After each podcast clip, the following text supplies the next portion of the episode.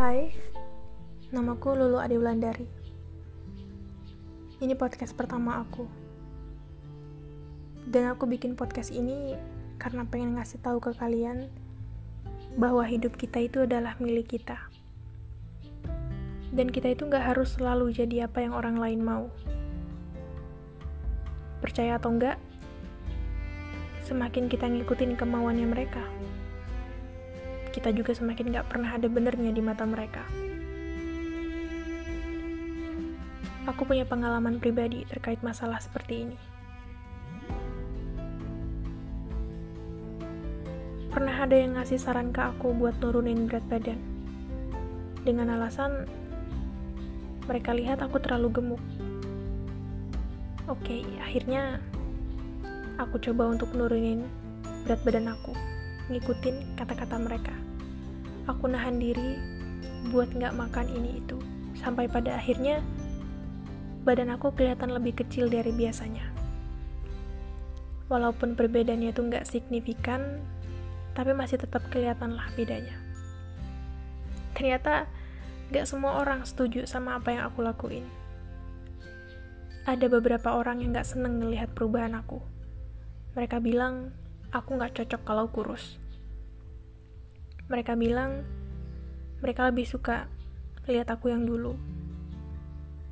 Dan di sisi lain, mereka orang-orang yang pernah nyaranin aku buat nurunin berat badan, itu sama sekali gak ngasih komentar sedikit pun sebagai tanda apresiasi setelah berat badan aku turun. Gak sampai di situ aja.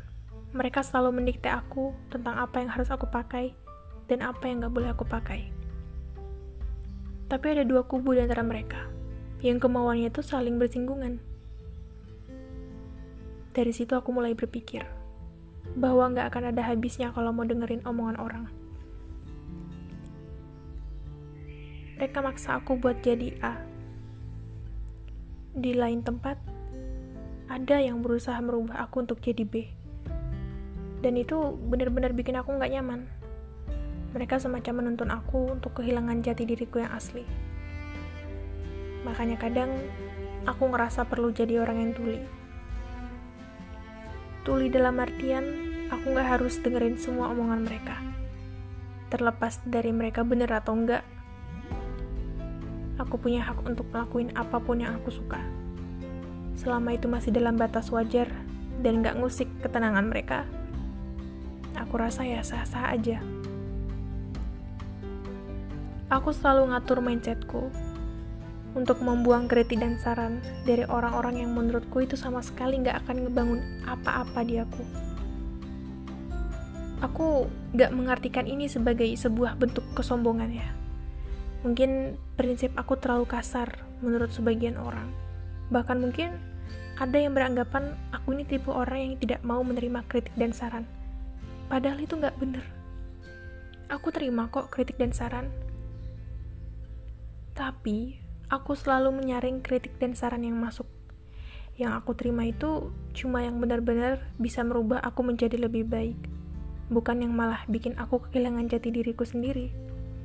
Kalau aku rasa itu nggak pas, ya udah aku abaikan. penampilan kita, utamanya seorang perempuan, pasti akan selalu menimbulkan pro dan kontra di lingkungan sekitar. Secara nggak sadar, kebiasaan mengomentari penampilan orang lain seolah jadi budaya dalam masyarakat. Sedangkan kondisi mental tiap orang itu beda-beda. Ada yang kuat menerima semua komentar yang masuk, ada juga yang langsung down setelah menerima komentar buruk. Karena itu, aku belajar tuli dari apa yang orang lain bicarakan tentang aku. Aku cuma ingin jadi versi terbaik dari diriku sendiri. Apa itu salah? Aku rasa itu sama sekali nggak salah. Buat aku, membentengi diri itu perlu, biar mental kita aman.